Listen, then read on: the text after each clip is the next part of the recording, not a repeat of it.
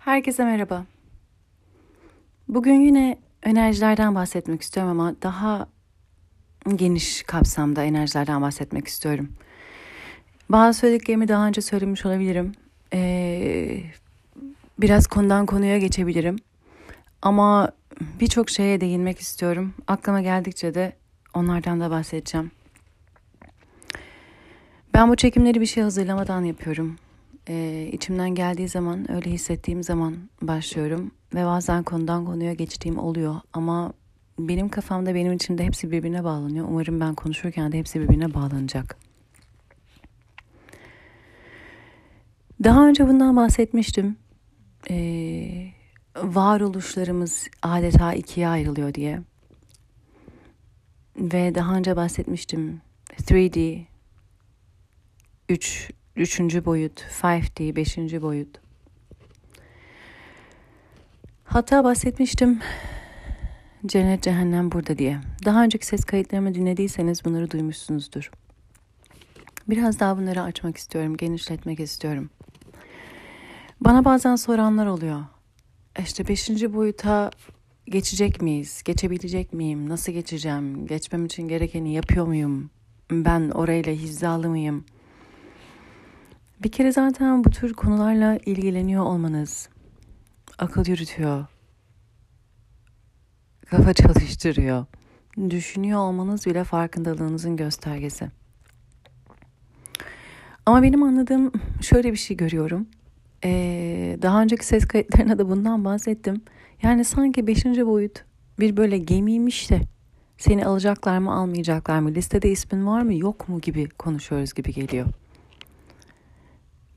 bundan daha ziyade beşinci boyuta adeta doğuruyoruz. Bu bir geçit sürecindeyiz şu anda. Ve bazılarımız kalacak ve kalmak isteyecek. Bazılarımız beşinci boyutla hizalanacak. Oradan var olmaya başlayacak. Seneler önce bir rüya görmüştüm. Ben genelde zaten bu rüyaları zamanından önce görüyorum. Benim için doğru zaman oluyor ama... E,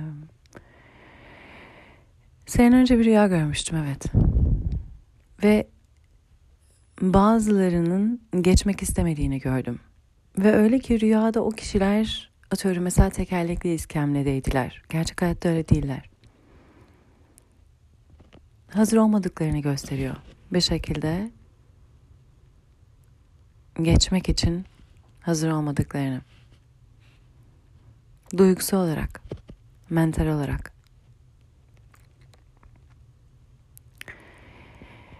Ve hazır olanlar, kendini hazırlamış olanlar,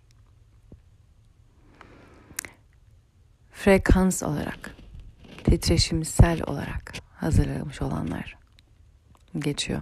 Bir de bir geçit alanı var. Bir geçit yeri var. Düşük frekans oraya geçemiyor. Belli bir varoluş, bir kafa yapısı, titreşimler artık oraya geçiyor. Düşüğü oraya taşıyamıyorsun. Bazıları değişmek istemiyor. Dönüşmek istemiyor. Olduğu halini değiştirmek istemiyor. Bakış açısından, varoluşundan vazgeçmek istemiyor. Bu bir seçim. Bu bir seçim. O zaman üçüncü boyutta kalmak istiyor. Bu bir seçim. Herkes sizinle geliyor olmayacak. Bunu anlamamız lazım. Bugüne kadar bence çok denedik, çok uğraştık. Yanımızdakilere, etrafımızdakilere bir şeyleri göstermek için, fark ettirmek için, anlamaları için çok çabaladık. Çok bahsettik. Korkudan bahsettik, sevgiden bahsettik. Anlayıştan bahsettik. Bakış açılarından, sıyrılmaktan, tereddütten, şüpheden, kıskançlıktan. Bilinçsizliği bilince çekmeye çalıştık. Karanlıkta kalan her yere ışık getirmeye çalıştık. Gördüğümüz sevdiklerimizde, etrafımızdakileri de herkese bu aydınlatmayı açmaya çalıştık. Göstermeye çalıştık. Kendimiz örnek olduk. Hadi dedik. Hadi elinden tutmaya çalıştık çoğu insanın. Hadi dedik. Bizimle beraber gelsinler istedik. O kadar çok insan istedik ki. Hadi. Hadi siz de gelin. Hadi siz de görün. Hadi siz de fark edin. Lütfen. Ne olur. Bilinç böyle açılmıyor. Böyle fark ettirilmiyor kimsenin, görmek istemeyen kimseye hiçbir şey gösterilemiyor. Zaten benim son zamanlarda fark ettiğim şey bu oldu. Sinir sistemi. Niye görmüyorlar diyorum. Niye fark etmiyorlar?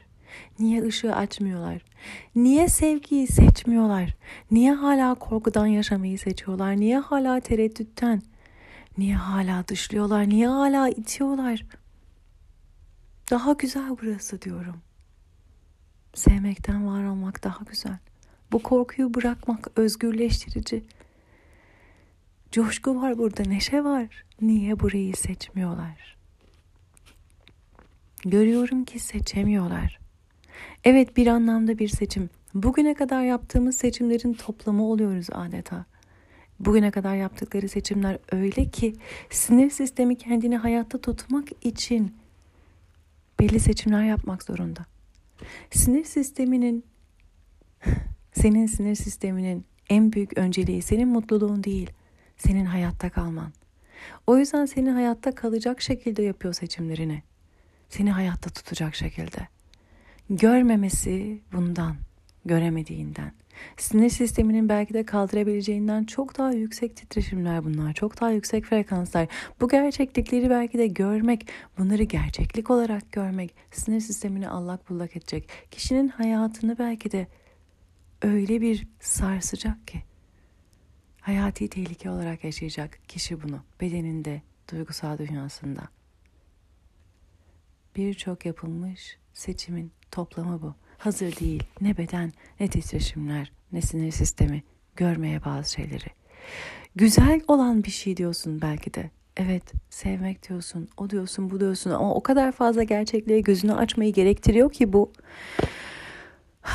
Daha önceki ses kayıtlarında bahsettim. iki önceki ses kaydından bahsettim. Sinir sistemi hazır değilse yapacak bir şey yok. Ve bence en zorlarından bir tanesi bu. Gelsin istiyoruz insanlar bizimle. Anlamamız lazım ki şu an geçitteyiz zaten ve bazılarımız çoktan geçti bile. Kabul etmemiz lazım ki herkes bizimle gelmeyecek. Kabul etmemiz lazım ki bizim de her halimiz bizimle gelmeyecek. Bir önceki ses kaydında da bundan aslında değiniyorum. Sadece başka insanların gelip gelmemesi değil. Bizim de her halimiz gelmeyecek. Düşük frekanslı bakış açılarımız gelmeyecek bağımlılık gibi devam ettirdiğimiz paternlerimiz, alışkanlıklarımız, pratiklerimiz gelmeyecek. Pratik hangi pratiği yaptığından ziyade nasıl yaptığın önemli. Bağımlılık şeklinde yapıyorsan, koltuk değneği gibi yapıyorsan ama artık ayağın alçıdan çıktı koltuk değneğine ihtiyaç da yok. Yine yapıyorsan artık bağımlılıktan yapıyorsun. İyi bir şey gibi gözükse de başkalarına her gün spora gitmekse bu yine de seni bundan bıraktırır, uzaklaştırır bilinçsiz yapılan her şeyden uzaklaştırır seni.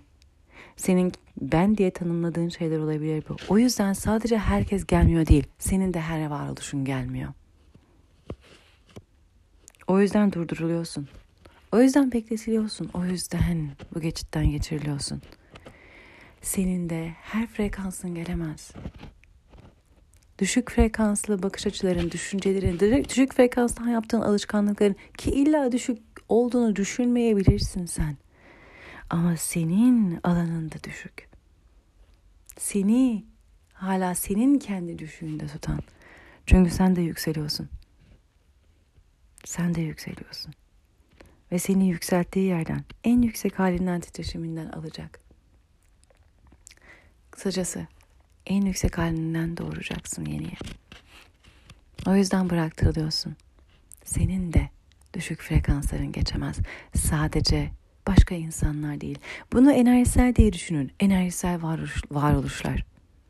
Belki siz enerjisel olarak çoğu zaman yüksek enerjiden var oluyorsunuz frekanstan ama hepimizin düştüğü anlar var, tutunduğu yerler var. Bunlar da bıraktırılıyor. Bunlar da bıraktırılıyor. Ve öyle bir şey ki çoğu insanın hasta olduğunu görebiliriz veya hastalık dediğimiz semptomsal bazı şeyler geçirdiğini. Büyük topluluklar, birçoklarımız, birçokları belki de yeni yıla, yeni yıldan hemen önce hemen sonra hasta olarak geçti, geçirdi. Çünkü bu yeni yıla artık o düşük frekanslarla giremezdi. Belki hastalık yoluyla bazılarına bazı alışkanlıklar bıraktırıldı. Hasta olduğu için belki yiyemedi bazı normalde yediklerini. İçemedi bazı normalde içtiklerini. Hasta olduğu için belki kullanamadı bazı normalde kullandıklarını. Ve belki o alışkanlık, o patern bu hastalık yoluyla belki bıraktırıldı, bıraktırılıyor. Bu hastalıkla belki de hali hazırda var olan başka enerjilerde bıraktırılıyor, arındırılıyor. Belki hasta olup bu hastalıktan kurtularak korkmamayı fark ettiriyor. Ne varmış korkacak dedirtiliyor belki de. Belki de bıraktırılan korku oluyor. Hepimiz bir yerlerden geçiriliyoruz. Sanmayınız başkaları ve sanmayınız sadece siz. Hepimiz. Ve inanın korkunun yönettiği yer aslında bizim cehennem dediğimiz yer. Korkunun yönettiği yer. Korkudan kendini kafeslere sıkıştırdığın yer. Küçücük yaptığın yer. Ve cennet yine burada. Sevgiden, özgürce hareket ettiğin yer. İkisini de her gün seçimlerimizle yaşıyoruz, yaşatıyoruz kendimize, etrafımıza. Uzağa bakmaya gerek yok. Ve işte bunun çok rahat bir şekilde ayrımının yapıldığı, ayrımının gönüldüğü varoluşlar oluyor. O yüzden şu an size bıraktırılanlardan korkmayın. Hı. Israr ediyoruz hepimiz, diretiyoruz, zorluyoruz alışkanlıklarımızı devam etmekte. Niyetlerimizde ısrar ediyoruz. Hala tanıdığımız, bildiğimiz varoluşumuzu çekip götürmeye çalışıyoruz. Aynı o bugüne kadar çekip götürmeye çalıştığımız insanlar gibi. Şimdi de kendi varoluşumuzu bırakamıyoruz. Aynı şekilde çekip götürmeye çalışıyoruz. Israrı bırak. Bazıları gelmeyeceği gibi senin de bazı varoluşların gelmeyecek. Kabul et artık bunu. Neyi alıp neyi almayacağını artık sen seçeceksin. Birilerini beklemek yok artık. Gelsin diye beklemek yok. Sen yoluna devam edeceksin. Yoluna katılacak veya katılmayacak başkaları. Ve burada bir sürü farkındalık, bir sürü görüş giriyor devreye. Dünyada olanları gördükçe bazen açık ağzım açık kalıyor gerçekten. Ben e, yaklaşık 12-13 senedir vegan besleniyorum. Ama bugün vegan kelimesinin nasıl propaganda için kullanıldığını görüyorum. Şimdi daha bu 2020'nin başlarında annem bana dedi ki daha kızım dedi. Ne güzel dedi. Bak İstanbul'da televizyonu açıyorum. Ana kanallarda bile reklamlarda veganlıktan bahsediliyor. İşte tavuk olmayan tavuk gibi tadı olan şeyler çıkıyormuş. Ne güzel artık bu kadar genel medyada konuşuluyor dedi bana. Gülmeye başladım. Anne farkına değil misin olanların dedim. Farkında değil misin olanların? Ne kadar ilginçtir ki dedim.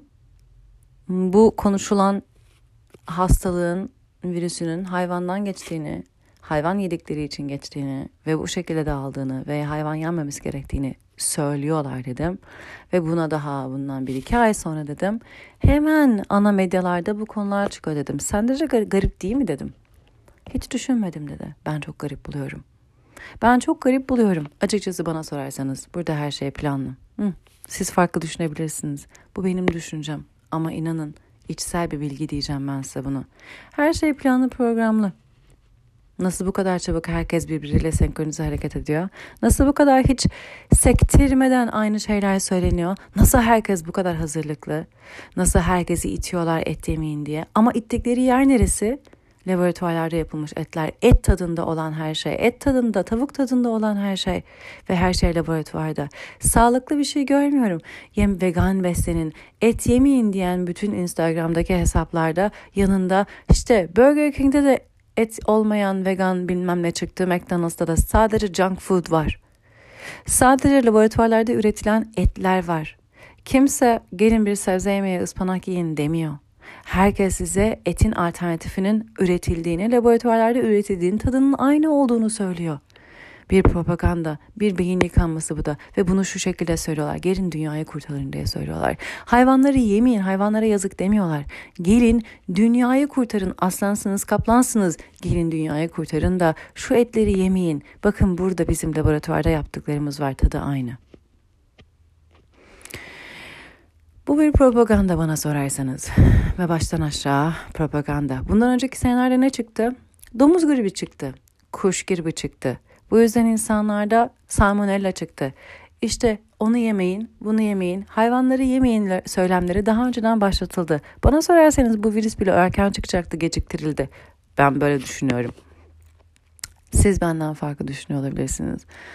Ben bunları çoğunlukla söylememeye çalıştım geçtiğimiz senelerde artık susmaktan sıkıldım. İnsanlar kendileri fark etsinler diye bekledim kimsenin fark ettiği.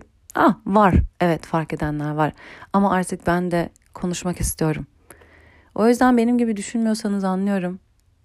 Ama artık ben de kendi düşüncelerimi dile getirmek istiyorum ve işte buraya geldik. Buraya geldik. Kendi gerçekliğimizi öyle bir yerden yaşıyoruz ki artık susmaktan sıkılanlarımız var eminim benim gibi. Bekleyenlerimiz var, beklemekten sıkılanlarımız var benim gibi. Her şeyin ne olduğunu gören, görülmesini bekleyen, görülmedikçe beklemekten sıkılanlar var benim gibi. Bunların hepsi propaganda. Belli bir yere doğru itilmeye çalışıyoruz. Belli bir şekilde beyin yıkanıyor. Ve şu andaki beyin yıkanma bu şekilde. Laboratuvarda siz değiştirmeyin hiçbir bakış açınızı, alter, e, e, davranışlarınızı. Siz değiştirmeyin. Biz size her şeyin alternatifini sunacağız. Hem de en güzelini laboratuvarlarda yapıyoruz size vereceğiz. Yemek bu değildir arkadaşlar. Yemek şifadır. Yemeğin şifası zaten aslında güneşten gelir. Me- besinler, meyveler, e, sebzeler güneş enerjisini doldururlar içlerine. Bizim yediğimizde güneş enerjisiyle büyüyen, oluşan aslında meyveler, sebzeler ve biz güneş enerjisini depolamış olan meyve sebzeleri yedikçe zaten en büyük şifayı alıyoruz. En büyük şifayı güneşten alıyoruz. Bu dönemde de zaten hep söylüyorlar D vitamini, D vitamini. D vitamini güneşe bak demek, dışarıda ol demek. Herkesin söylediği birkaç şey var. Hareket et. Güneşe bak. D vitamini al. Bunlar. Dışarıda ol, hareket et, güneşe bak. Bunu demeye çalışıyorlar. Ve güneşten büyüyen, güneşten beslenen, güneş enerjisini depolayan besinleri yedikçe hakikaten bedenimize şifa oluyoruz. Doğanın içinden. Doğa kendine şifa ve doğa bize şifa.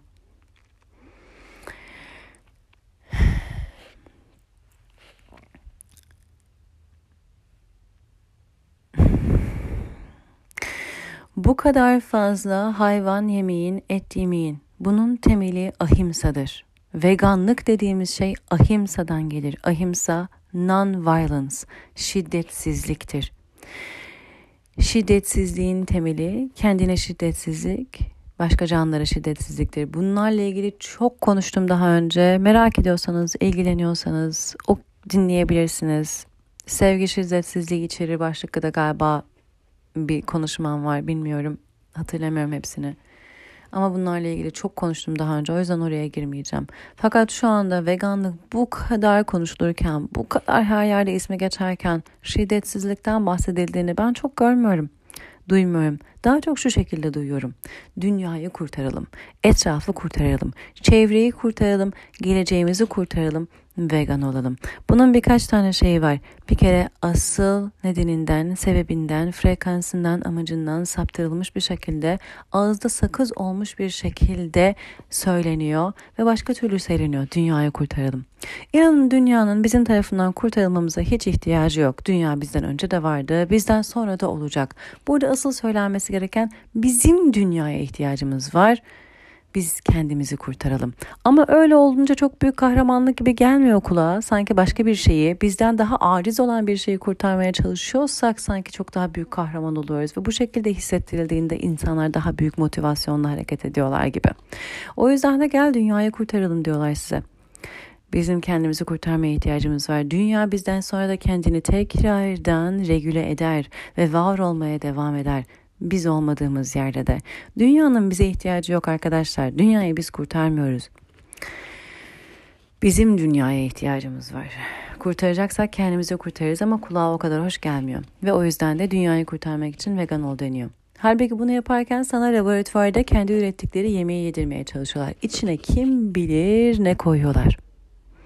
Bunların hepsini yaparken de çok güzel bir hikaye bağladılar. Senen önce zaten başlayan, kuş gribiydi, domuz gribiydi, salmonella ile başlayan, devam eden ve şimdi de bilmem nerede yenmiş, bilmem hayvanından geçmiş gibi davranılan falan filan buraya kadar getirilen bir hikaye ve bir beyin yıkama. Ve şu anda dünyanın sonu geliyor gibi açıklamalarla da aynı şekilde beyin yıkanmaya devam ediliyor. Ama diyorlar ki bilinçlenme. Bilinçlenmene hiç gerek yok. Farkındalığını iletmene hiç gerek yok. Daha iyi beslen demiyorum ben sana diyorlar. Aynı junk food'u, junk adı üstünde çöp bu arada. Çöp yemektir bu arkadaşlar. Junk food'un çevirdiğin zaman çöptür. Çöp yemek yemeye devam et. Ben sana onların hepsinin alternatifini vereceğim. Gel Burger King'e, gel McDonald's'a. Ben sana hepsinin alternatifini vereceğim. Laboratuvarda üretilmiş. Gel chicken nuggets'ını sen yine yiyebilirsin. Bilinçlenmene gerek yok. Alışkanlıklarına aynen devam et. Ben seni besleyeceğim. Ama buradan devam et. Bu laboratuvarda öğrettiğimiz içine kim bilir ne hormon koyduğumuz, kim bilir neler koyduğumuz ama biz koyuyoruz. Sen merak etme. Gel. Ben seni oradan besleyeceğim. Bu bir beyin yıkamadır.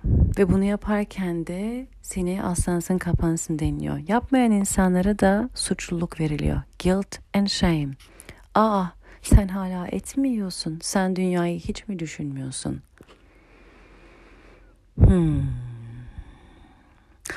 Maalesef öyle bir yere geldik ki özgür düşünce ve muhakeme insanın elinden alınıyor ve artık insan insana vurduruluyor. Yani seni öyle bir yere getiriyor ki pohpohlayarak sanki vegan beslenmiyorsan kötü bir şey yapıyorsun, suçluluk hissetmelisin, utanç hissetmelisin. Sen hala mı değiştirmedin bakış açını? Sen hala mı et yiyorsun gibilerinden. İnanın 13 senedir vegan olan bir insan. Benden çok daha uzun senedir vegan olanlar vardır. Ve bu veganlığı tamamen hayvanlar için yapmış olan bir insan için bugün gördüklerim beni dehşete düşürüyor böyle bir suçluluk hissettirerek, böyle bir utanç hissettirerek veganlık pratik edilemez. Veganlık şefkatle başlar. Bir insanın kendine şiddeti, şiddetsizliğin başlangıcı olamaz. Bir insanın kendine yaşattığı veya bir başkasına yaşattığı bu kadar büyük suçluluk ve utanç şiddetin başı.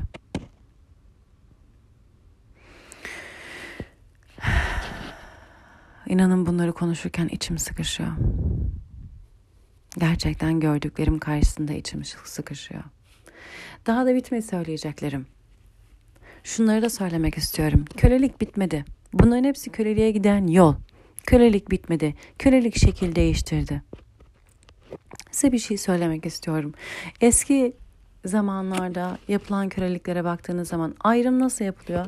Belli insanları, soykırım nasıl yapılıyor? Kölelik nasıl yapılıyor? Belli özellikler daha üstün görülüyor. Belli özellikler hı, o kadar üstün görülmüyor ve diyorlar ki siz bizim kadar değilsiniz. Yani herkes eşit ama siz bizim kadar eşit değilsiniz. Animal Farm kitabını okuyanlar varsa bilir. Ve diyorlar ki siz bize hizmet edeceksiniz. Veya sizin yaşama hakkınız bile yok kim bilir. Bu birçok şeye bağlı olabilir. Göz rengine, kaş rengine, saç rengine, cilt rengine, ee, davranışına, bakışına ah, her şeye göre değişiyor ve köleysen sen ne yapacaksın? Bana göre hareket edeceksin, bana hizmet edeceksin. Eski zamanlarda köleliğe bakarsanız, yaptıklarına bakarsanız, araştırırsanız biraz görebilirsiniz. Ee, maalesef bazı insanlar kendi çocuklarından ayrılıyorlar, ayrışçılar ve başkalarının çocuklarını e, meme vermeleri, süt emmeleri, isteniliyor onlardan. Bu çok tanıdık değil mi? Kendi çocuğunun alınması ve kendi sütüyle başka bir varlığı, varoluşu beslemesi istenmesi. Bu insanların hizmet edilmesi, küçük görülmesi, aşağı görülmesi. Bunlar yapılıyor. Bir canlının başka bir canlıya yaptığını görüyoruz belki de. Senelerdir insanlar hayvanlara yapıyor. İnsanlar hayvanların kendi çocuklarını onlardan alıyorlar ve sütlerini sayarak daha üstün gibi gözüken insanın beslemesini, beslenmesini istiyorlar. Bu hayvanlar küçücük alanlarda tutuyorlar. Cubicle dediğimiz hareket dahi edemiyorlar. Öne bakamıyorlar, arkaya dönemiyorlar. Oldukları gibi kalıyorlar. İstedikleri gibi gezip beslenemiyorlar. Önlerine ne veriliyorsa onu yiyorlar. Kendi istedikleri belki de çimeni yiyemiyorlar da arpa ve buğdayla besletiliyorlar. Arpa ve buğday onların mideleri için iyi gelmediğinden antibiyotik veriliyor onlara. Başka türlü hormonlar veriliyor. Daha fazla süt versin diye, daha çabuk büyüsün diye, daha hızlı yumurtlasın diye bedeni hormonla dolduruluyor. Normal olması gereken kilonun çok üstüne çıkıyor. Normal büyümesi gereken hızdan çok daha hızlı büyüyor. İnsan nasıl isterse öyle yaşıyor, öyle ölüyor.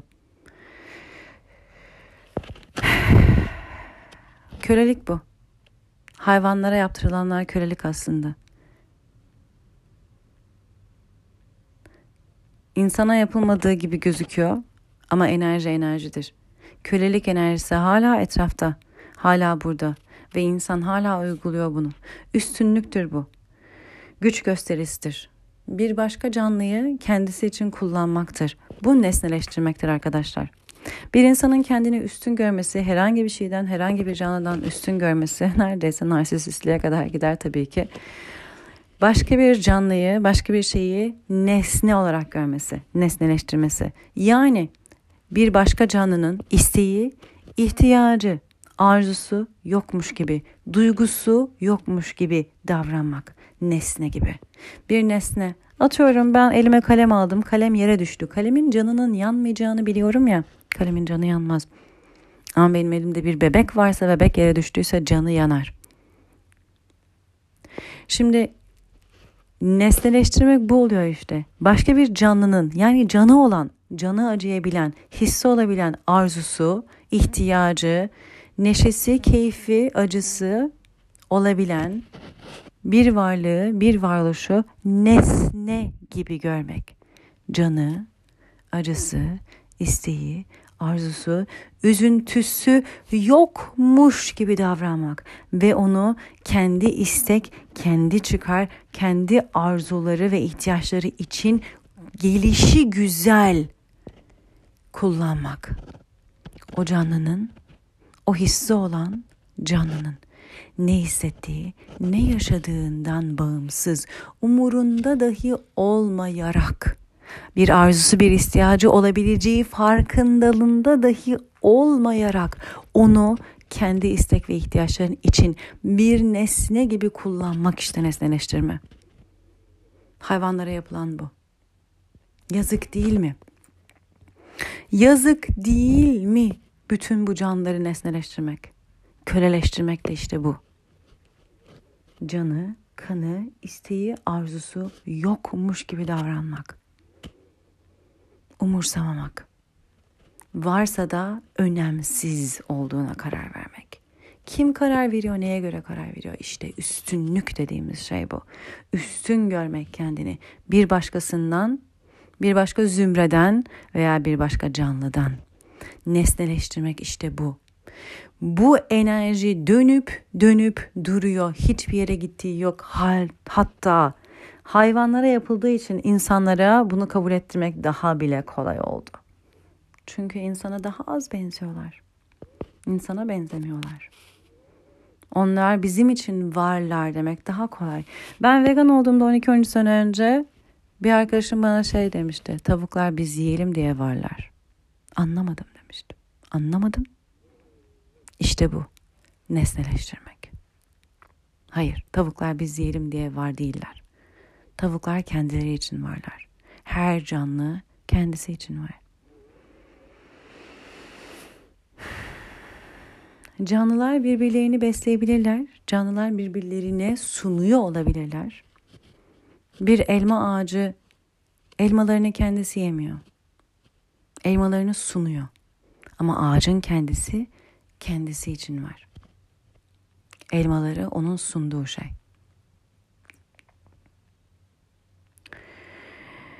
Diyeceksiniz food chain'inde hayvanlar tabii ki aslan yiyecek bir başkasını. Bu yakalayabilirse yer. Ama bu nesneleştirmek değil arkadaşlar. Bu doğanın kendi içindeki döngüsü. Bizim hayvanlara yaptığımız nesneleştirmek. İnsanın insana yaptığı da işte nesneleştirmek. Şimdi bugün geldiğimiz noktaya gelmek istiyorum. Şundan da bahsetmek istiyorum. Be eğitilmişiz. Eğitilmişiz arkadaşlar. Çocuklara bakın. İlkokula gitmeye başlıyorlar. Hatta ilkokul öncesi birinci sınıftan öncesi var şimdi. Gidiyorlar 5 yaşında. Diyor ki oturacaksın burada 40 dakika. Çişim var diyor gidemezsin diyor. Susadım diyor içemezsin diyor. Acıktım diyor yiyemezsin diyor. Ne öğretiyorlar çocuklara? Hakikaten bir konu mu? Konudan çok daha fazlası öğretiliyor. İtaat öğretiliyor. Kendi bedeninden uzaklaşma öğretiliyor. Acıktığını fark et, umursamayacaksın. Çişin geldi, fark ettin, umursamayacaksın. Kulak asmayacaksın. Ben ne zaman diyorsam zil çaldığında hepiniz aynı zamanda çişe gidebilirsiniz. Hepiniz aynı zamanda yemek yiyebilirsiniz. Hepiniz aynı zamanda su içebilirsiniz. Ve ben ne zaman dersem Ders sırası uygun zamanda yiyemezsin, içemezsin, tuvalete de gidemezsin. Öyle bir hissin geldiyse de tut bunu. Yokmuş gibi davran. Bedeninle olan bağını hiçe say. Bedeninden uzaklaş. Bu ne demek? Özünden uzaklaş, kendinden uzaklaş. Kendine, kendi ihtiyaçlarına bakmayı bırak. Kendi ihtiyaçlarına bakıp onları giderme isteğini bırak. İtaati öğren. Ben ne zaman dersem, ben nasıl dersem ve eğer yapmazsan da cezalandırılırsın.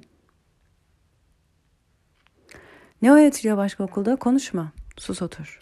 Yanlış cevap veriyorsun bağırılıyor. Bilmiyorum sizin döneminizde öyle miydi? Benim dönemimde öyleydi. Konuşursan bağırılıyor. Yanlış cevap verirsen bağırılıyor. Annem geçen gün diyordu kızım sen ne kadar sosyal bir çocuktun. Küçükken hep kitaplarını buluyorum seninle ilgili yazmışım işte her çocukla gidip konuşurmuşsun kendini tanıştırmışsın. Sonra ne oldu sana dedi bana. Okul anne dedim. Okul. Okulda konuşuyor birisi ona bağırıyorlar. Yanlış cevap veriyor bağırıyorlar. Sus otur deniyor 60 kişilik sınıf hoca ne yapsın? Korktum. Konuşmaktan korktum ve susmaya başladım. Çünkü bana bağırılmasını istemiyordum. Bağırılmasına çok hassastım çocukluğumdan beri. Daha bir yaşından beri annemin yazdığı da kitaplarda, defterlerde bu yazıyor. Hassas olduğu şey, sinirlendiği şey, yüksek sesle konuşulması, bağırılması, yüksek sesli olan her şey sinirimi bozuyormuş çocukluğumdan beri. Beni dengemi bozuyormuş. irite ediyormuş. Sınıfta sürekli bağıran bir öğretmen düşünün. Korktum. Ve susmuşum ondan sonra. Yanlış bir şey söylemeyeyim diye. Hiç söylememeyeyim demişim. İşte bunlar öğretiliyor. Susmak. Yanlış cevap verirsen diye. İstenilen cevabın dışında başka bir şey söylersen diye veya herhangi bir şey konuşursan diye. İtaat öğretiliyor. Kendi istek ihtiyaçlarını hiçe saymak öğretiliyor. Bir kenara koymak öğretiliyor. Kölelik değil mi bu? Köleliğe yetiştirilmek gibi geliyor bana itaat yetiştirilmek. Otorite figürüne yetiştirilmek. Ah şimdi de bu konuya geleceğim işte. Otorite figürleri.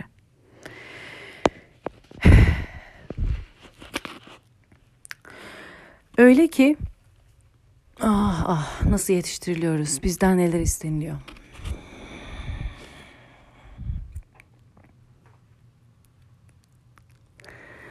Buradan aile dinamiklerine girmek istiyorum ama aile dinamikleri kendi başına bir konu aslında. O yüzden ee, bakalım ne kadar değineceğim şu an. Hepsine değinmek istemiyorum ama ne kadar olacak göreceğiz.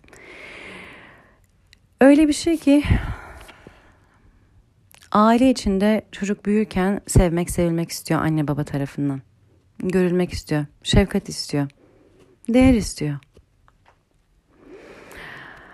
Ebeveyn istiyor, kendine bakacak kendini kollayacak. Onun istek ve ihtiyaçlarını görecek, onun istek ve ihtiyaçlarını ona verebilecek, şefkatle ve sevgiyle verebilecek. Ama çoğu zaman ne oluyor? Bir çocuk çok sorunsuzsa, problemsizse aferin deniliyor. Sorunlu ve problemliyse üf sen de hep beni uğraştırıyorsun, hep bana zorluk çıkarıyorsun, hep böyle zamanlarda yapıyorsun. Benim ne zaman zor bir günüm olsa o zaman yapıyorsun. E tamam çocuk çünkü enerjiyi hissediyor. Ve biz aslında en fazla ihtiyacımız olan, en kendimizi belki de ev içinde güvensiz hissettiğimiz zamanlarda o sevgi şefkat verilmiyor. Güvensiz hissettiğimiz zaman nedir? Anne babanın zaten güvensiz hissettiğidir. Anne babanın sarsıldığı zamandır. Anne babanın stresli olduğu zamandır. Ve sen o zaman çocuk olarak küçük halinle o zaman güvensiz hissedersin. Burada bir problem var. Burada bir şey var deyip annem babam bu annen baban senin güvenlik alanın. Onlar bu kadar şüphe ve tereddüt ve korku içindeyse sen de olursun ve o zaman diyorsun ki ne oluyor? Survival hayatta kalmana bir tehdit gibi geliyor. Ve işte o zaman sen güvensizliğinden davrandığında anne baban diyor ki hep böyle zamanlarda yapıyorsun. Hep bize problem çıkarıyorsun. Ve burada bir sevgisiz, şefkatsiz otur, konuşma, bağırma deniyor. Şimdi bazen çocuklar da burada hakikaten sevgi görebilmek için bu durumlarda kendi duygularını inkar ediyorlar. Tamam tamam ben bir şeyim yok. Duyguyu kendine yaşatmıyor. Bir çocuğun zaten en temelinde hayatına var olan şey nedir? Duygusu. Eğer bir çocuk duygu yaşayamayacak kadar duygularını bastırıyorsa çok daha büyük ihtiyaçları var. Hayatta kalma ve sevgi görme. Sevgi görme o kadar büyük bir ihtiyaçtır. Başka her türlü ihtiyacını bastırıyor demektir. Aslında problem çıkarmayan, mızıtmayan, hiçbir şeye ağlamayan çocuklara bence daha dikkatli bakın derim. Çünkü o çocuklar duyguyu yaşayamayacak kadar büyük tehlike altında hissediyorlar kendini. Şöyle düşünün. Eğer hayati tehlike altında hissediyorsanız duygularınız sonra gelir. Onlar en büyük ihtiyaç olan yer değildir. Çok daha büyük bir güvensizliğin olması lazım ki çocuk duygusunu yaşayacak kadar bile bir güven hissetmiyor demektir. İhtiyacını bile dile getiremeyecek, üzüntüsünü bile ifade edemeyecek yerdedir demektir. Kendi çocukluğunuzu düşünün. Ben bunlardan biriydim. Ağlamazdım, etmezdim, sorun çıkarmazdım. Öf şimdi geriye dönüp bakınca nedenini daha iyi görüyorum.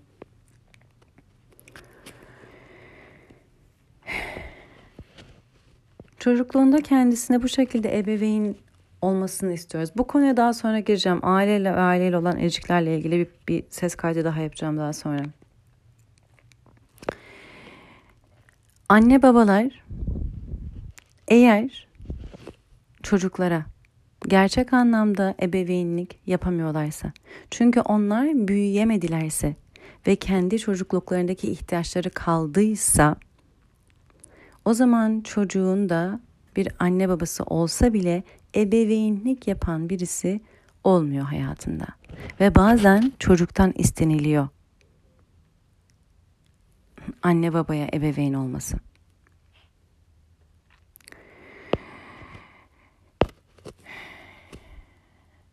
Ve o zaman o çocuk eğer bireyselliğe geçemiyorsa dediğim gibi bu konuları başka bir ses kaydında açacağım. Bireyselliğe geçemiyorsa hep kendine ebeveyn olacak biri arar. Çünkü hep kendini çocuk hissediyordur. Çünkü büyüyememiştir. Çünkü ebeveyni olamamıştır. Çünkü ona bakacak kadar kendi istek ve ihtiyaçlarından bir insan çıkamamıştır. Bir kişinin kendi istek ve ihtiyaçlarını çok çok iyi anlaması, kendi kendine giderebilmesi lazım ki ki bundan da birkaç ses kaydı önce bahsetmiştim. Onu yapabilmesi lazım ki başka bir varoluşun, başka bir canlının ihtiyaçlarını, kendisinden farklı olan ihtiyaçlarını görebilsin, adlandırabilsin ve bir çocuksa bu onu gidermeye çalışabilsin. Ama eğer anne baba olmuş ama hala kendi istek ve ihtiyaçlarını ve çocukluk istek ve ihtiyaçları hiçbir zaman giderilmemiş için en büyük istek ve ihtiyaçlar olur ve bu konuları işlemek istiyorsanız farkındalık atölyelerime katılabilirsiniz. Orada bütün bu konuları işliyoruz. Kişinin en uzun zamandır devam eden istek ve ihtiyaçları eğer giderilmemişse en yüksek istek ve ihtiyaçlar oluyorlar. Ve bunlar o kadar yüksek oluyor ki hayatı buradan görüyorlar. Ve kendi istek ve ihtiyaçlarını başkaları üzerinden gidermeye çalışıyorlar. O zaman aslında çocuklarının istek ve ihtiyaçlarını göremiyorlar. Hatta çocukları üzerinden kendi istek ve ihtiyaçlarını gidermeye çalışıyor olabiliyorlar. Böyle bir durumda bir çocuğun çocuk olma ihtiyacı, bir çocuğun çocukluktan gelen istek ve ihtiyaçları giderilmiyor. O yüzden o insan büyüdükçe hep etrafında o istek ve ihtiyaçlarını giderebilecek ilişkiler ve insanlar arıyor. Yeri geldiğinde bunlar otorite figürleri olabiliyorlar. Yeri geldiğinde doktor oluyorlar. Bu sevgiyi, şefkati, bu e, dikkate alamadıysa çok fazla hastalanıyor veya hastalanıyormuş gibi hissediyor ve doktora çok gidiyor bir otorite figüründen, bir ebeveyn gibi olan birinden bunu almaya çalışıyor. Arkadaşını bu yapmaya çalışıyor, sevgilisini bu yapmaya çalışıyor, eşini bu yapmaya çalışıyor. Yeri geldiğinde devleti bu yapmaya çalışıyor. Ona bakacak, onun istek ve ihtiyaçlarını gözetecek, onu kollayacak, onu güvende tutacak biri, bir yer, bir makam olsun Dediğim gibi otorite figürü. Doktor olur, devlet olur. Öğretmenler de bunu öğretmiyor zaten. Ben senin için doğrusunu biliyorum. Ben senin için en iyisini biliyorum. Bu otorite figürlerine ihtiyaçtan dolayı da çok şey sorgulanmıyor. Birisinin sizi düşünmesini istiyorsunuz. Birine güvenmek istiyorsunuz. Birisi hakikaten sizi kollasın istiyorsunuz. Devlete güvenmeyen doktorlara giriniyor. Ben fene, science'a, bilime güvenirim diyor. O bilimi parasını veren kim? O araştırmaları yaptıran kim? O araştırmaları fonlayan kim? Ha, ah, o kadar fazla soru var ki sorulması gereken. Hep herkes önüne verilerine bakıyor gibi geliyor ama onu neden verildiğini kimse sorgulamıyor gibi geliyor. Ve işte bunlar beni düşündürüyor. Şu anda da geldiğimiz yer otorite figürleri size, bizlere bir şeyleri ye, bir şeyleri yeme diyor. Ama bana sorarsanız hepimizi köleliğe götürüyor. Ne dediler? Evden çıkmayın. E D vitamini en çok ihtiyacımız olan şey. Hareket en iyi gelen şey. En şifalı gelen şey bunlar. Hayır hareket etmeyin, evden çıkmayın. Ve herkes de dinledi ve dinliyor. Bu ne demek? Eskiden iş yerlerinde cubicle'lara bizi oturturlardı. Küçük küçük ayrı ayrı kimse birbirini görmez. Hayvanlar yaptıklarından farkı ne? Küçücük küçücük alanlara sokmuşlar. istedikleri gibi çalıştırıyorlar. Nesne gibi bakıyorlar. Şimdi de bizi hepimizi evlerimize tıkıyorlar. Evinde otur, dışarı çıkma, çok hareket etme, kimseye gözükme, yanaşma. Sana ben laboratuvardan yemek yapacağım, onu ye. E bir sürü sebze meyvenin de tohumunu onlar zaten genetiğiyle oynayıp dağıtmıyorlar mı? Doğal kendi tohumunu kullanan insanlara suçlamıyorlar mı? Cezalandırmıyorlar mı? Senelerdir zaten bunları yapmıyorlar mı? Yiyeceğin sebzenin de tohumunu ben genetiğiyle oynadım. Benim ürettiğim yenilecek. Büyük şirketlerin yaptığı. Şimdi de et konusunda ben laboratuvarda üretiyorum onu yiyeceğim. Sizce de hepimizle oynanmıyor mu? Sizce de hepimize ne düşünmemiz, ne yememiz gerektiği söylenmiyor mu? Sizce de bu çok büyük bir çapta kölelik değil mi yani? Kim seçim yaptığını gerçek anlamda söyleyebilir artık. Bir de bunu bazılarımız görüyor. Görmeyenler, inanmaya devam edenler, bu korkudan beslenenler de var. Artık en uç nokta. Oynanan oyunun farkında bile değiller. Şunu da söylemek istiyorum. Bir hikayenin içindeyiz. Dediğim gibi geçen günde sahnede ipler var. İpleri görmeyenler var. Ee, arkada oynanan oyunların olduğunu bilenler var. Tam her zaman her şeyi göremiyor olabiliriz. Sahne arkasında olan, perde arkasında olan ama olanın gözüktenden ibaret olmadığını en azından biliyor oluyoruz. Çok daha fazlası olduğunu biliyor oluyoruz.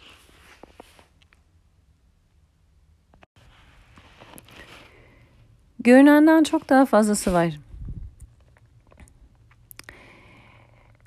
Şuna değinmek istiyorum. Bir hikayede bir ana kahraman olur hikayesi anlatan kişi genelde bir ana kahraman olur. Bir de bu ana kahramanın biraz da karşısında onu belki de zorluk çıkaran biri, bir grup, belki de hayat şartları olabilir. Ana kahramanın kim olduğu da hikayenin kimin anlattığına göre değişebilir. Ama genelde her zaman hikaye hikaye yapan da odur. Ee, o ana kahramanı, hayatını, duruşunu zorlaştıran birileri, bir grup veya dediğim gibi hayat şartları olabilir. Şimdi öyle bir şey görüyorum ki bir ana medyanın söylediği bazı söylemler var. Bakış açıları. Ee, tek tip söylemler. Hükümetlerin söylediği tek tip söylemler. Belki doktorların söylediği tek tip söylemler var. Bir de görmüyor musunuz burada olanlar şunlar diye bir söylem var. Ve çok ilginçtir ki bu ikinci söylem de genelde çok tek tip oluyor. Yani bu ana söyleme karşı ortaya çıkan ve bunlara inanmayın, bu olanlara inanmayın. Bu olanlarda aslında şu kimseler şunu yapıyor, bu kimseler bunu yapıyor. Aslında şu elinde tutanlar bunlar ve bunlara şu denir ve başka türlü bir sürü hikaye yazılıyor orada ve bir karşıt pozisyon alınıyor bu ana söylemlere karşı. çok ilginçti ki orada da çok tek tip bir bakış açısı görüyorum. Ve aslında onun da çok e, ana kanallarda yer aldığını görüyorum. Bu da bana şunu düşündürtüyor arkadaşlar. Hepiniz böyle düşünmeyebilirsiniz ama eğer ana kanallarda hem ana medya var hem şey varsa ama aynı zamanda da buna tam ters düşen, bunu belki de tam ters karşı pozisyonunu alan e, ve belki de buna saldıran söylemi de aynı yerler, aynı alanlar barındırıyorsa o zaman bence bunlar aynı yerden yönetiliyorlar. Bana böyle geliyor. O zaman bunlar aynı hikayenin iki kahramanı. Hikayeyi yazan, yöneten de aynı. Ve bu çok zekice geliyor bana. Yani çünkü bir ana kahraman ortaya at.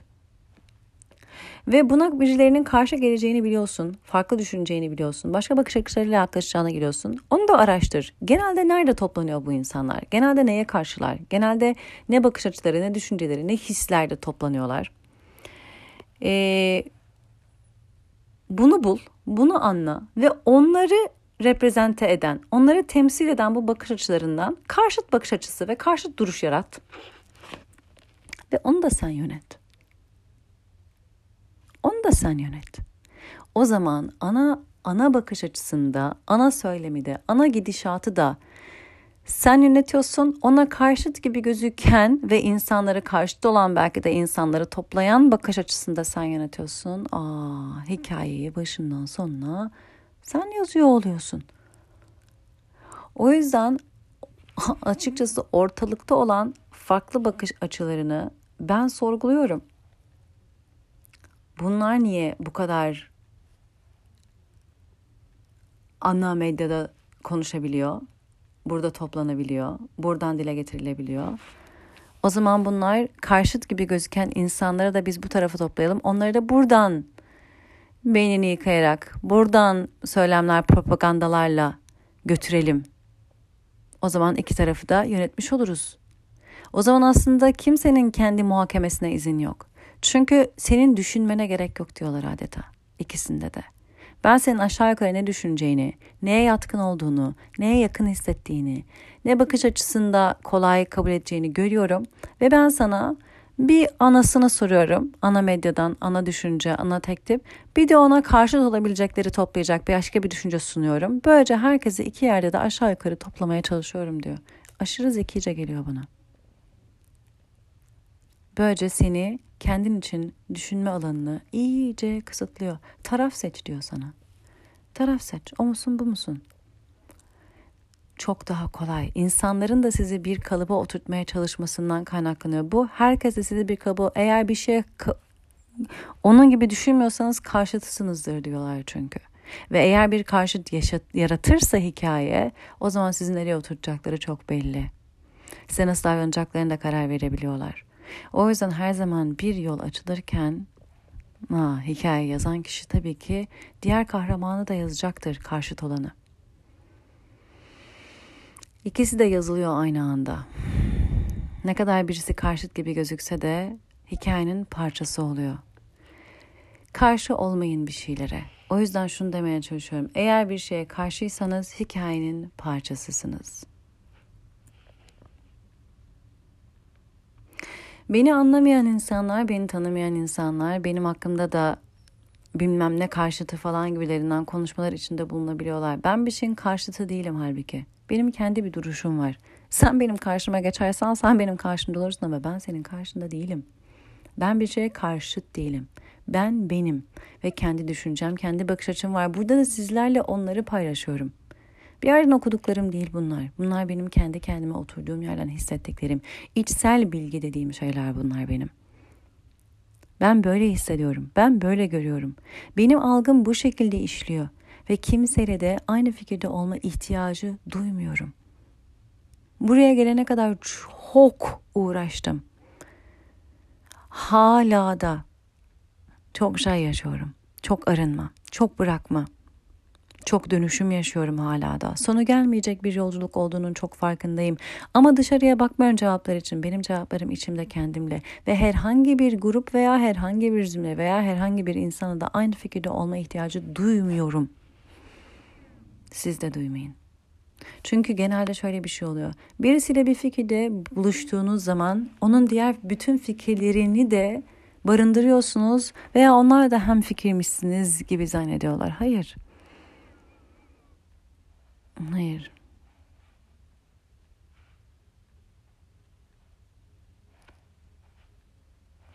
Takip ettiğim Instagram'da bir sürü vegan hesap var. Hepsi teker teker bırakasım var inanın. Ne saçmalıyorlar diye bakıyorum artık. Hiçbiriyle hem fikir değilim. Vegan olmamız hiç bizim aynı şekilde düşündüğümüz ve bakış açısını aynı şekilde paylaştığımız anlamına gelmiyor. Bu hikayeden çıkma vakti geldi. Bu sistem gözümüzün önünde çöküyor. Sistem gözümüzün önünde çöküyor. Bu sistemin ana kahramanı veya karşıt kahramanı olarak kalmaya karar verirsek hala hikayenin ve sistemin bir parçasıyız demektir. Sistemden çıkmak nasıl olur? İnanın ben de bilmiyorum. Bir şeyin karşıtı olmayarak onu biliyorum. Ama bu ne demek? Dualite içinde yaşadığımız bu dünyada, dualite içinde var olduğumuz bu varoluşta bu nasıldır? Neye benzer, nasıl gözükür? Sen sen olarak. Sen olarak. Sen olduğun yerde bunların hepsini barındırdığını bilerek ve sen sen olduğun yerde hiçbiri olmadığını da anlayarak. Tüm bakış açılarının, tüm alışkanlıklarının hiçbirine tutunmayacak kadar belki de bırakarak.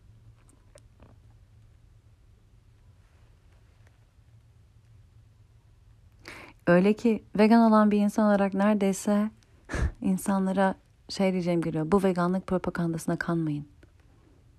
Kanmayın. Sizi suçlu hissettirmeye çalışıyorlar. Size utanç hissettirmeye çalışıyorlar. Kanmayın.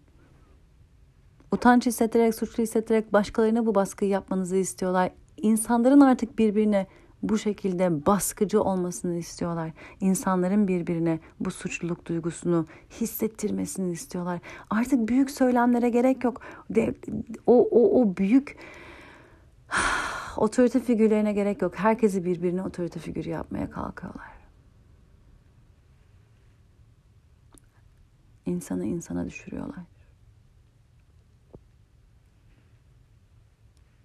Geldiğimiz nokta burası işte. Çık bu sistemden. Çık bu sistemden derken ne demek istiyorum? Herkesinki farklı olacak. Bazıları belki de gidecek kendi bahçelerine ekip bitecekler. Belki tarla alacaklar, arsa alacaklar. Belki başka yerlere taşınacaklar. Çok daha basit, çok daha lokal bir hayata geçecekler. Kendi yemeklerini belki de kendileri ekecekler, bikecekler, büyütecekler. Belki sen onu yapmıyor olacaksın. Baş, başka bir şey yapıyor, başka bir şey sunuyor olacaksın. Ve belki takas olacak. Hiç sisteme gitmeyecek o para. Hiç elde o şekilde el değiştirmeyecek. Belki çocukların olacak. Yan yerde yaşayan kişi kendi çocuklarını evde büyütüyor, evde eğitiyor olacak. Homeschooling. Diyeceksin ki benim işim var. Benim çocuklarımda sen büyütür müsün? Sen yani büyütür müsün anlamında okul eğitimini verir misin diyeceksin belki de. Ve belki de onun eline para vereceksin. Okul eğitimini o evde veriyor. Olacak senin çocuklarına. Türkiye'de şu an bu yasak benim bildiğim kadarıyla ama kim bilir belki ileride. Sisteme gitmeyecek para. Senin paran o okul eğitimini veren o yan komşuna gidecek. Kendi çocuklarını belki verirken seninkilere de verecek. Sisteme gitmeyecek. Arkadaşın kendi bahçesindeki salatalık domatesleri alacaksın. Ona parayı vereceksin belki de. Sisteme gitmeyecek. Vergisi olmayacak. Kim bilir? Belki de takas olacak. Sen bir şey sunacaksın, o bir şey sunacak. Para bile el değiştirmeyecek. Sistemden çıkmak nedir? Belki de budur. Buraya doğru gidiyoruz. Çünkü bu sistem çöküyor. Sistemin içinde kalmaya çalışmak ısrarla oluyor. Niye ısrar ediyorsun? Niye çöken bir yerde kalmaya çalışıyorsun? Niye hala bunlara inanıyorsun? Bence burada söylediklerimle hem fikirsen de niye? Buna yine sana sorarım. Değilsen de Niye? Benim söylediklerim değil burada asıl önemli olan. Sizde ne düşündürüyor? Neye tepki veriyorsun? Hem fikirsen bile benim fikrimi alıp senin fikrini yapma. Sende ne düşündürüyor? Sende ne kapılar açılıyor? Sende neleri sorgulatıyor? Ona bak. Kendin için düşün. Hem fikir değilsen, hiç senin aklına yatmadıysa niye? Yine onu düşün. Söylediklerimi karşına alma. Veya söylediklerimi kendi kendi düşüncelerin sanma. Sen ne düşünüyorsun? Bunlar sana ne düşündürtüyor? Bana sorarsanız izlediğiniz, dinlediğiniz her şeyi senin düşüncen sanıp almak yerine veya hiç de öyle değil deyip bırakmak yerine sen de ne düşündürtüyor bunu sor. Hep niye diye sor.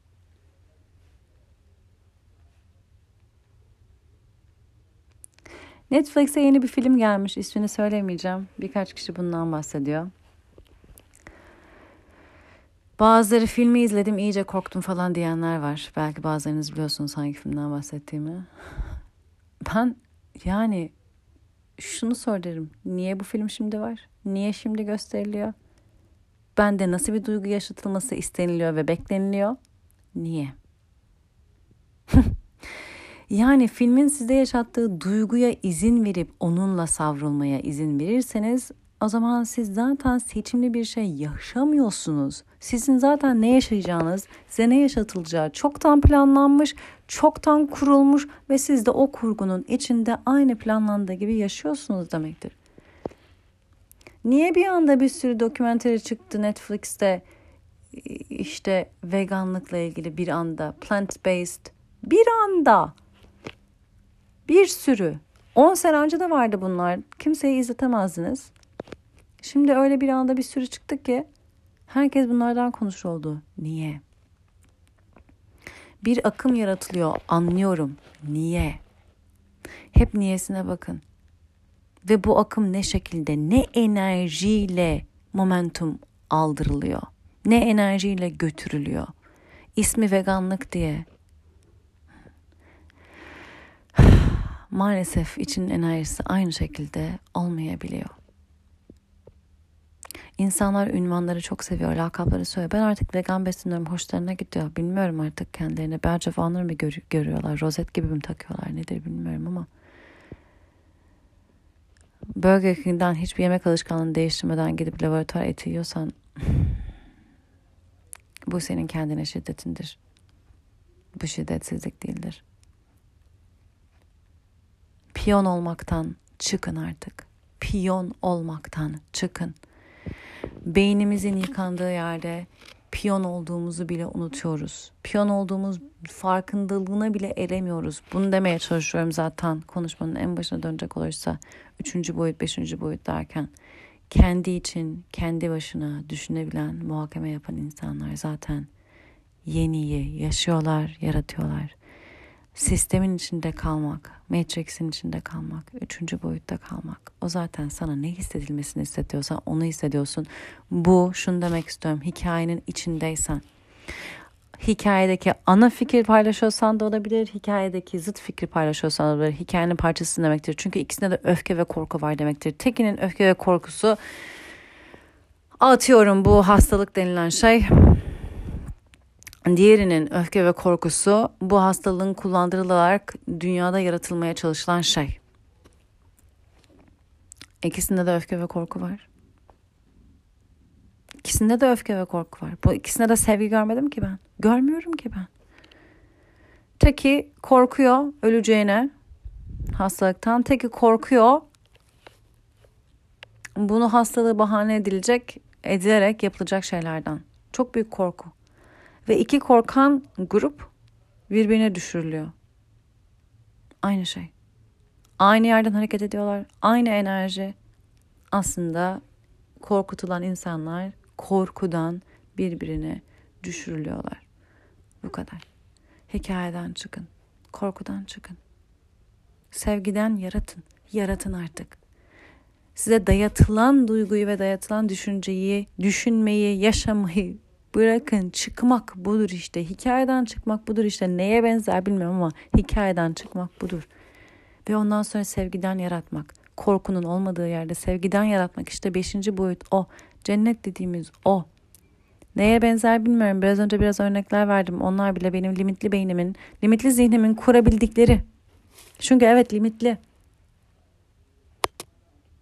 Varoluşumuz limitsiz. Yaşarken, yaratırken limitsizliğini yaşayacağız. Şu an düşünürken ve fraziye konuşurken limitliliği geliyor. Limitliliğinden konuşabiliyorum. Ama yaşarken varoluşunda limitsizliğinden yaşayabiliriz.